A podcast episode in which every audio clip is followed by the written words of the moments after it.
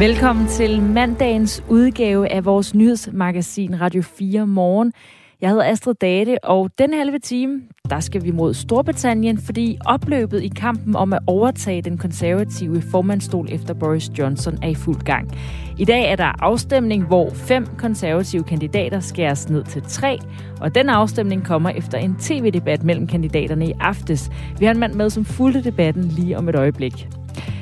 Færre og færre vil uddanne sig til og arbejde som sygeplejerske, men faget skal gøres attraktivt igen, ifølge en sygeplejerske, der i et indlæg i Berlinske efterspørger politisk hjælp til at genoprette fagets omdømme. Jeg spørger hende, om sygeplejerskerne ikke også selv har en del af ansvaret for deres ry og omdømme, og det er kvart i syv, vi skal tale med hende. Rusland forbereder en ny offensiv i Ukraine, så lyder det i hvert fald fra en talsmand fra den ukrainske efterretningstjeneste. Men hvad betyder det? Vi spørger Anders Puk Nielsen, der er militærforsker ved Forsvarsakademiet ved Center for Maritime Operationer klokken 10 minutter i syv. Og hvis du har input eller spørgsmål, så vil jeg også gerne høre fra dig, der lytter med. Nummeret er 1424 til Radio 4 morgen. Nu er klokken 35 minutter over 6. Godmorgen. I Storbritannien er opløbet i kampen om at overtage den konservative formandsstol efter Boris Johnson i fuld gang. I dag er der afstemning. Fem konservative kandidater skæres ned til tre, og den afstemning kommer i kølvandet på en tv-debat, der var mellem kandidaterne i aftes. Morten Rønnelund er journalist og befinder sig i London og fulgte tv-debatten i går. Godmorgen. Godmorgen, Astrid.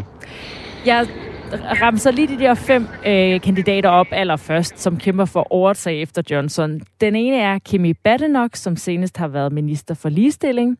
Liz Truss, som er Storbritanniens udenrigsminister siden september sidste år.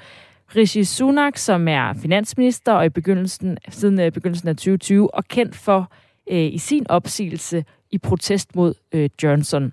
Så er der Tom Tugendhat, som er skarp Johnson-kritiker, og så er der Penny Mordens, som er tidligere forsvarsminister. Så nogle prominente kandidater, der altså var til debat i går. Morgen Rønnelund, hvem øh, vurderer du kom stærkest fra debatten?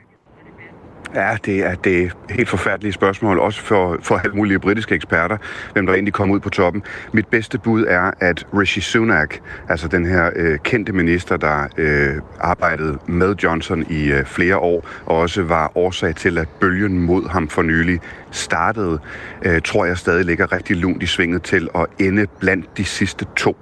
Øh, han fremstår øh, kompetent, han har lavet det her før, han er øh, inde i øh, regeringens sager, øh, han har rigtig mange øh, kontakter, øh, og selvom han også har splittet partiet efter sin, øh, sin modstand til Johnson, jamen, så har han stadig rigtig mange støtter i, øh, i partiet. Så jeg tror i hvert fald, at, at han klarede sig fint konsolideret, hvem han var i forvejen, og, og står godt til at blive en af de sidste to, når de sådan i løbet af ugen får, får skåret ned på dem. Det, der er specielt øh, ved situationen, det er, at i første omgang er det jo ikke alle de øh, konservative medlemmer, øh, der skal stemme. Det er kun de nærmeste øh, i parlamentet. Øh, og der kan godt være en anden dynamik i det, end hvad de 200.000 partimedlemmer ender med at øh, stemme. Øh, så derfor er det lidt svært at aflæse, hvad der for tiden er vigtigt for parlamentsmedlemmerne, og hvad der derefter bliver vigtigt for alle partimedlemmerne. Hvad kunne være noget, der var en forskel mellem de to? Øh, den, den store forskel på tværs af kandidaterne, det er skattespørgsmålet, og det er der, hvor Rishi Sunak også øh, træder lidt udenfor, for han har ikke travlt med at sænke skatten. Han øh, sagde i debatten i går, at vi skulle nok komme dertil, men der er nødt til at være styr på finanserne. Vi er nødt til at have finansiering for, hvis vi øh, letter skatten, hvor de andre kandidater er lidt hurtigere på, at nærmest fra dag 1, der skal der øh, løsnes på, på, på skatten. Det skal hjælpe det pres, som britterne er under i forhold til inflation og cost of living, altså hvad det koster at, at leve et, et almindeligt dagligdags liv herover, som fylder rigtig meget. Og det er der, hvor, hvor Sunak er lidt anderledes end de øvrige kandidater, og det kunne godt gå hen og blive det, det tippende spørgsmål for de konservative. Hvem vil noget med skatten? Afstemningerne om øh, fortsat at være kandidat til formandsposten foretages blandt de konservative medlemmer af underhuset. Når der er to kandidater tilbage, så er det der, det er op til de konservative partimedlemmer at vælge deres foretrukne. Den nye leder af det konservative parti og dermed premierminister i Storbritannien ventes at blive annonceret 15. september. Morten Rønnelund, journalist i London, du siger, det kan være forskel på altså det her første valg blandt de konservative medlemmer af underhuset, og så det andet valg blandt øh, alle deres øh, medlemmer. Hvad er det, hvor, hvor er det, du, der kan være en forskel mellem, hvad de to, ligesom, øh, hvad, hvad der bliver afgørende for dem, hvem der skal vælges? Ja, man kan forestille sig, at, øh, at de, der er parlamentsmedlemmer i underhuset, de kender håndværket, de kender Rishi, de kender de andre øh, politikere, de har arbejdet sammen med dem om forskellige sager, og der handler det måske mere om, hvor dygtige er de inde i rummet, hvor dygtige er de til at forhandle, har de de rette konservative værdier, hvor for den bredere flok, som er, ikke er et udsnit af vælgerne som sådan, men dog 200.000 øh, konservative partimedlemmer, jamen der bliver det også noget med personlighed, og hvordan fremstår man øh, sådan et mere klassisk vælgerspørgsmål, hvem der klarede sig godt og er sympatisk på tv-skærmen. Så der kan være et skifte imellem, at det første er godt konservativt håndværk, og det næste er øh, også, hvad for en øh, i mangel af et bedre udtryk, vibe, du har som, øh, som partiets leder. Øh, og det kan være to forskellige ting for de her øh, to grupper. Og vi taler altså en del om øh, finansministeren Rishi Sunak, som altså ligger lunt i svinget til at blive øh, den næste konservative partiformand. Hvem er hans stærkeste modstander? Det, der skete under debatten i går, det var, at han og Liz Truss, som øh, også er en øh, dygtig regerings, et dygtigt regeringsmedlem og har siddet i flere ministerposter, øh, de ligesom det, det lykkedes dem på en eller anden måde at få gjort kampen lidt til en kamp mellem dem, øh, hvor de tre andre kandidater stod lidt udenfor. Øhm, i, I sekvenser, der var det de to, der, der sparede med hinanden og stillede hinanden spørgsmål. Og jeg ved ikke, om det var en bevidst taktik. Altså, det handler om også de andre, jeg har bare for sjov. Men, men det virker som om, at Liz Truss er, er den, den store modstander når man ser på målinger, og der er lavet mange forskellige, og ikke alle er lige valide, øh, men så er der faktisk nogle af de, af de tre sidste, der også popper lidt op og ser ud som om, at, at de kunne være stærke kandidater.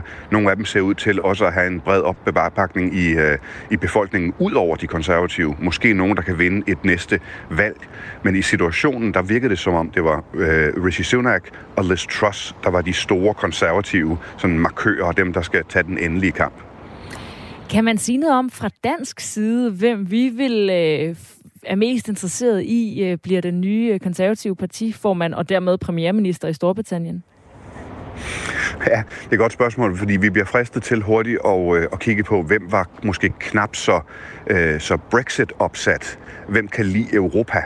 Øhm, og der øh, er problemet lidt, at der, var, der er to af kandidaterne, som, som stemte for at blive i EU, da det var det store spørgsmål. Men alle konservative er gået videre. Der er ikke nogen, der skal tilbage. Der er ikke nogen, der skal øh, rode videre med, om man kan finde en vej sådan halvvejs tilbage i, øh, i, i EU. Så derfor, med, med de briller, der er sådan EU-snoet, og som vi måske vil lande på i, i Danmark meget ofte, jamen der, der er det svært at sige, hvem det entydigt vil være. Måske er der noget stabilitet i Rishi Sunak, Øhm, altså, så ved vi dog noget af det, vi får, fordi det vil blive til dels en eller anden fortsættelse af det Storbritannien, som vi kender nu, og der kan være noget, noget ro i, øh, i den stabilitet, der er øh, ved ham. Lød det fra Morten Rønnelund, journalist i London. Tak fordi du var med i Radio 4 morgen. Og det er altså den 5. september, at det bliver annonceret, at ventes at blive annonceret, hvem den nye leder af det konservative parti og dermed premierminister i Storbritannien bliver. Jeg blev uddannet for otte år siden, og kunne jeg vælge om, så ville jeg gøre det, skriver en sygeplejerske i Berlingske. Efter de seneste ugers historier om, at der er 28 procent færre ansøgere til uddannelsen, og at mere end hver fjerde sygeplejerske og sosu forlader Region Hovedstadens sygehus inden for det første år efter ansættelse. Flugten fra sygeplejerskefaget har skabt debat de seneste par uger. I debatindlæg fra 8. juli skrev Mike Stoltenborg Sørensen, som er politisk medarbejder i Venstre, at brok forurener sundhedsvæsenet, og at man ikke kan fortænke nogen i at fravælge et fag, hvor der er udsigt til en masse sure kolleger. Og det fik Regitze Lausen til testerne, som altså er sygeplejerske. Godmorgen. Godmorgen. Og du skrev altså, at du blev uddannet for otte år siden, og hvis du kunne vælge om, så ville du gøre det. Hvorfor er du så stadig sygeplejerske? øhm, jamen, det er jeg, fordi at jeg er en ukulig optimist. Øhm, altså, jeg tror og håber stadigvæk på, at der kan ske forandringer i, i vores sundhedssystem. Øhm, som jeg skrev, så elsker jeg mit arbejde, jeg elsker mine patienter, de pårørende, mine kollegaer. Øhm, jeg elsker at gøre en stor forskel og hjælpe mennesker, når, når livet det er, det er svært. Så jeg er rigtig stolt af at være sygeplejerske, og jeg er stolt af den her høje faglighed og det store ansvar, som vi har. Men, men jeg vil ikke arbejde på så strenge vilkår, at, øh, at min faglighed sættes for spil. Så ja, på en måde kan man godt snakke om, at jeg måske er sygeplejerske på, på lån tid.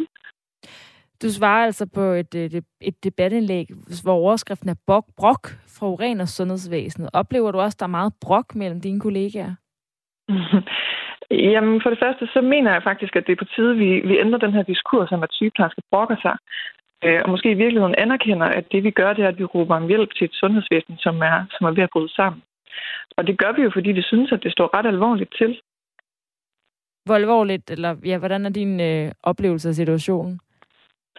Jamen, min oplevelse er, at vi mangler kollegaer til at løbe, som, løse centrale opgaver. Og, øhm, det er svært at rekruttere, det er svært at fastholde. Øhm, vi har brug for at kunne arbejde i mere sådan stabile rammer, som, som sikrer, at vi kan yde den bedste sygepleje og behandling for patienterne. Øhm, og vigtigst af alt for, ikke at, altså for at undgå at komme til at lave fejl. Altså, jeg kunne godt tænke mig at gå på arbejde med, med ro i maven og hjem igen med følelsen af at have gjort et, et godt øh, stykke arbejde. 28 procent færre har søgt ind på sygeplejerskeuddannelsen i år. Og Mike øh, Stoltenborg Sørensen, som er politisk medarbejder i Venstre, han skriver i et debatindlæg, at hvis sygeplejerskerne begynder at sige noget positivt om at være sygeplejerske, er der måske håb for flere ansøgninger til sygeplejerskeskolerne næste år. Rigitte Lauritsen, øh, du er altså uddannet sygeplejerske. Har I som sygeplejersker ikke selv et ansvar i forhold til at tale jeres fag op? Så for det første, så tænker jeg, at det her med, at der er 28 procent færre, der vælger at søge ind, det er altså for mig at se et udtryk for, at folk de orienterer sig bedre, inden de vælger uddannelse. Og det tror jeg handler om, at selvom kerneopgaverne lyder attraktive, så tror jeg, at det her arbejdsvilkår, det afskrækker rigtig mange. Øh, det her det er jo en debat, der har kørt i rigtig, rigtig mange år, og, og det er ret nemt at undersøge de her forhold, hvis man øh, sætter sig lidt øh, ind i tingene. Og så synes jeg faktisk ikke, eller jeg mener ikke, at det er vores ansvar, mit ansvar at markedsføre sygeplejefaget øh, for at kunne altså, rekruttere til uddannelsen. Jeg vil selvfølgelig altid gerne fortælle, hvor stolt jeg er af at være sygeplejerske, og at jeg elsker mit arbejde. Men, men jeg mener ikke, at vi nogensinde skal fortige de her kritisable arbejdsvilkår, vi har. Øhm, på den måde så føler jeg lidt, at vi er med til at pynte et sundhedsvæsen, som er i forfald med, øh, med lånte flere. Og det tænker jeg lidt er at lokke folk øh, ind på falske vilkår så er det mere dit ansvar at tale op om de problemer, der er, end at tale op om det, der fungerer godt? Jamen, det føler jeg, altså det mener jeg, det er øh, i tiden lige nu, indtil at vi får ændret den her kurs. Så synes jeg, at alle sygeplejersker skal, skal holde på deres ytringsret om at fortælle, hvordan øh, forholdene virkelig står til. En af de ting, som øh, Mike Stoltenborg Sørensen kritiserer i sit indlæg, er, at mange sygeplejersker arbejder på deltid. Cirka halvdelen af alle sygeplejersker arbejder på deltid, og det gør du også, øh, Regitze øh, Lautsen. Øh, hvorfor arbejder du ikke på fuldtid, når du efterspørger flere hænder i branchen? Mm. Altså, som jeg skriver med mit indlæg, så mener jeg på ingen måde, at det er en mulighed at presse sygeplejersker op i tid. Det tror jeg kun vil, øh, eller det tror jeg kunne føre til en, en hel del øh, sygemeldinger, der rigtig mange vælger at gå på deltid for at passe på sig selv, øh, mig selv inklusiv. Øh, jeg havde ikke været uddannet mere end to år, før jeg valgte at, at gå ned på deltid øh, for at passe på mig selv i det her brutale arbejdsmiljø det var sådan, at arbejde fyldte hele mit liv, og jeg kunne simpelthen mærke, at jeg var for udmattet og for afkræftet, når jeg havde, øh, havde været afsted de her mange timer om ugen. Så derfor var jeg nødt, nødt til at gøre noget andet. Og så tror jeg at øh, desværre rigtig mange sygeplejersker har det. Du kalder det selv ja, et brutalt arbejdsmiljø, og man kan godt forstå, at det måske kan være med til at afskrække nogen fra at vælge mm. det fag til. Mm. Hvad skal der til for at ændre diskursen for øh, sygeplejerskefaget? Mm, jamen, jeg tror, det er et, øh, et, øh, et rigtig stort problem, som skal løses fra mange fronter, men først og fremmest skal det løses øh, politisk. Og det skal det, fordi den øverste ledelse i sundhedsvæsenet er politikerne. Øhm, så i sidste ende er det jo en, en politisk beslutning, hvor mange ressourcer man vil tildele sundhedsvæsenet. I øvrigt så tænker jeg, at det også er ret sigende, at, at øh, politikerne de gerne vil sådan de vil gerne stille krav til sundhedsvæsenet, de vil gerne lave behandlingsgarantier og øh, bryste sig af et sundhedsvæsen, som har en høj faglighed og kvalitet, men de bør virkelig også interessere sig for, at de medarbejdere, som arbejder, har de rammer og vilkår, som skal til for, at man kan leve op til de her forventninger. Og jeg tror også, at man kunne løse rigtig mange rekrutterings- og fastholdelsesudfordringer, hvis man startede med at tage de her bekymringer alvorligt og øh, ja, prioriterede vores sundhedsvæsen lidt højere. Vi har rækket ud til Mike Stoltenborg Sørensen, der er politisk medarbejder for Venstre, som altså har lavet det indlæg, der fik dig, Rigitte Lautsen, til at skrive et svar, men han er ikke vendt tilbage på vores henvendelser. Hvordan kan du selv være med til at ændre det syn på sygeplejersker, som øh, præsenteres i debatindlægget i Berlinske? Altså det syn, som Mike øh, øh, ja. fremstiller. Jamen det, det kan jeg og vil jeg ved at blive ved med at fortælle min historie, hvordan det i virkeligheden står til. Altså det er vigtigt for mig at sige, at sygepleje det er ikke bare et kald, og det er ikke bare varme hænder. Det er altså benhårdt arbejde, det kræver høj faglighed, og det synes jeg er på tide, man øh, anerkender. Og øhm, jeg synes, at det er på tide, man begynder at lytte til sygeplejersker og lytte til alle sundhedspersoner øh, øh, i, øh, i vores sundhedssektor og lytter til, hvad det egentlig er, de fortæller og kigger lidt på de konsekvenser, øh, det efterhånden har rundt omkring i samfundet. Sagde Rigitte Lautsen, tak fordi du var med i Radio 4 morgen og uddybe dit debatindlæg i Berlingske. Rigitte Lautsen er altså sygeplejerske og har kommenteret på den debat, der har været den seneste tid om, at sygeplejerskers studiet er blevet mindre populært. 28 procent færre har søgt ind til uddannelsen i år, end der gjorde sidste år. Du lytter til Radio 4 morgen. Klokken er 10 minutter i syv, og vi skal have en opdatering fra krigen i Ukraine. Her forbereder Rusland en ny offensiv i landet, som lyder det fra en talsmand fra den ukrainske efterretningstjeneste. De seneste dage har russerne ifølge Ukraines regering sendt mange raketter og missiler ind over byer i Ukraine og dræbt snesvis af mennesker. Anders Puk Nielsen er militærforsker ved Forsvarsakademiet for Center for Maritime Operationer. Godmorgen. Godmorgen. Hvad lægger du i den melding om en ny russisk offensiv fra den ukrainske efterretningstjeneste? Jamen altså, øh, jeg, jeg lægger det i det, at russerne varmer op til et, øh, et nyt forsøg i Donbass-området. Altså, så det vil sige, det er ikke sådan en, en ny offensiv over hele Ukraine, som vi så tilbage i februar måned, men altså øh, en, en, en fortsat indsats for at øh, erobre Donbass-området. Russerne erklærede selv for et par uger siden, at nu ville de lige tage en pause, efter de sådan havde nået et, et delmål om at tage Luhansk-regionen. Øhm, og, øh, så, så, så det er sådan ligesom ligget i kortene, at øh, russerne gjorde klar til en ny offensiv, og det er så det, ukrainerne siger. Nu mener de så, at, øh, at det skal være, og, øh, og, og det vil komme her inden for de kommende dage åbenbart, at, at russerne så igen forsøger at, øh, at prøve at se, om de kan få, øh, få resten af Donbass. Ja, for det ellers ligget lidt øh, stille. Vil du ikke lige give en øh, opdatering på, hvad udvikling, seneste udvikling er i krigen? Jo, altså, øh, øh, vi, er jo et sted, hvor russerne så har annonceret, at de øh, varmer op til en ny offensiv i Donbass-området, og så har ukrainerne så omvendt sagt, at de så er ved at gøre klar til en stor offensiv i det sydlige Ukraine. Øh, men ellers så er vi jo et sted, hvor, øh, som du siger, jamen, altså, frontlinjen har ikke bevæget sig så meget igennem efterhånden lang tid. Altså, russerne har langsomt taget mere og mere terræn op i, i Donbass, øh, men altså, det, det er virkelig langsomt. Altså hvis man sådan ser hen over tre måneder, jamen altså så er det, øh, det, det, det, det er få kilometer, vi taler om. Altså så, så det, det, det er sådan en, en krig i sneglefart. Øh, og samtidig så er det enormt intensivt. Altså øh, så, så det er jo ikke fordi, de ikke slås for det. Øh, det er helt vanvittigt mange bomber, der bliver kastet hver eneste dag. Øh, så øh, så en, en meget, meget voldsom krig, men hvor parterne altså Altså er nogenlunde lige stærke, og derfor så flytter frontlinjen sig ikke så meget, og der er så er kæmpe ødelæggelse langs med den her frontlinje. Det er sådan lidt der, vi er øh, sådan i, i krigen, øh, hvis man zoomer ud. Så er, der, er det, den her melding med et nyt russisk offensiv, betyder det på, at der kan komme lidt mere fart på krigen? Altså, det håber russerne nok på, øhm, øh, men, men der er så også nogle ting, der peger på, at det måske kan være svært for dem. Altså, øh, ukrainerne har for nylig taget nogle nye våbensystemer i brug, de har fået fra amerikanerne og britterne, øh, dem der hedder HIMARS, som øh, er sådan nogle meget langtrækkende øh, præcisionsmissiler, og dem har de altså formået at bruge i, til at ramme en helt masse russiske, især ammunitionslager øh, og, og kommandostationer og sådan noget langt bag ved frontlinjerne. Så det er sådan en af de nye udviklinger i det. Øh, men noget af det, som jeg i hvert fald tror, ukrainerne regner med, det er, at det, de har, har formået at ramme de her ammunitionslager og altså ramme russernes forsyningskæder. Det gør, at russerne ikke rigtig vil have det store, øh, det store overskud til rent faktisk at lave sådan en offensiv. Øhm, så de, jeg tror, ukrainerne regner med, at de ligesom vil kunne, kunne håndtere det den her gang, simpelthen fordi, at, at russerne ikke vil, vil kunne smide de der enorme mængder af, øh, af artilleri, øh, granater, som de har gjort hidtil. Øhm, så det er sådan en af de, en af de nye ting ved det. Øhm, men altså, det er sådan en, en, en fase lige nu, hvor vi går og venter på de her to offensiver, altså russernes øh, i Donbass og ukrainernes nede i Kherson-området, som de har annonceret, og vi ved jo ikke rigtigt, hvem har i virkeligheden styrken til måske at lykkes med den offensiv, de taler om.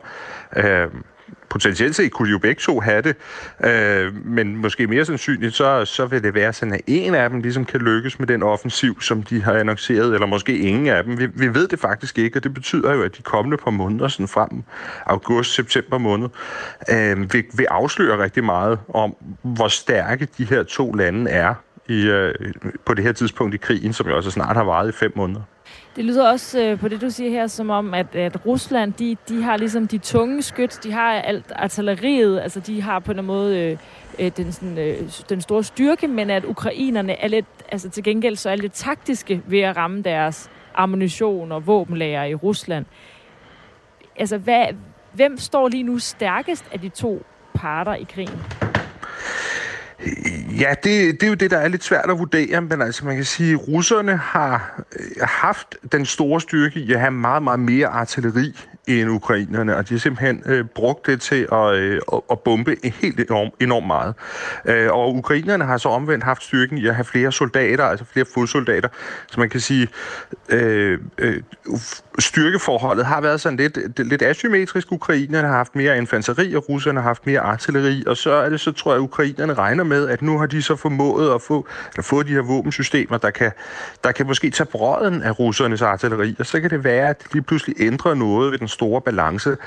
Øhm, og det, det mangler vi ligesom at se og få svaret på, om, om det er rigtigt. Og samtidig så bliver ukrainerne jo ved med at rekruttere nye soldater. De har for nylig annonceret, at nu er, de, nu er de ligesom ved at være i mål med deres ambitioner om at få en million soldater i den ukrainske hær. Det er jo, jo fuldstændig vilde tal, som er meget større end det russerne kan stille med. Øhm, og, og de skal jo så uddannes, og de skal øh, udstyres med forskelligt grej. Ikke? Så det er jo sådan en, en proces. Så jeg tror, umiddelbart så vil min vurdering være, at de langsigtede tendenser måske peger i retning af, at Ukraine kommer til at få nogle fordele over tid. Men om vi er der endnu, det, det er svært at sige, øh, fordi der er altså rigtig mange ubekendte i det.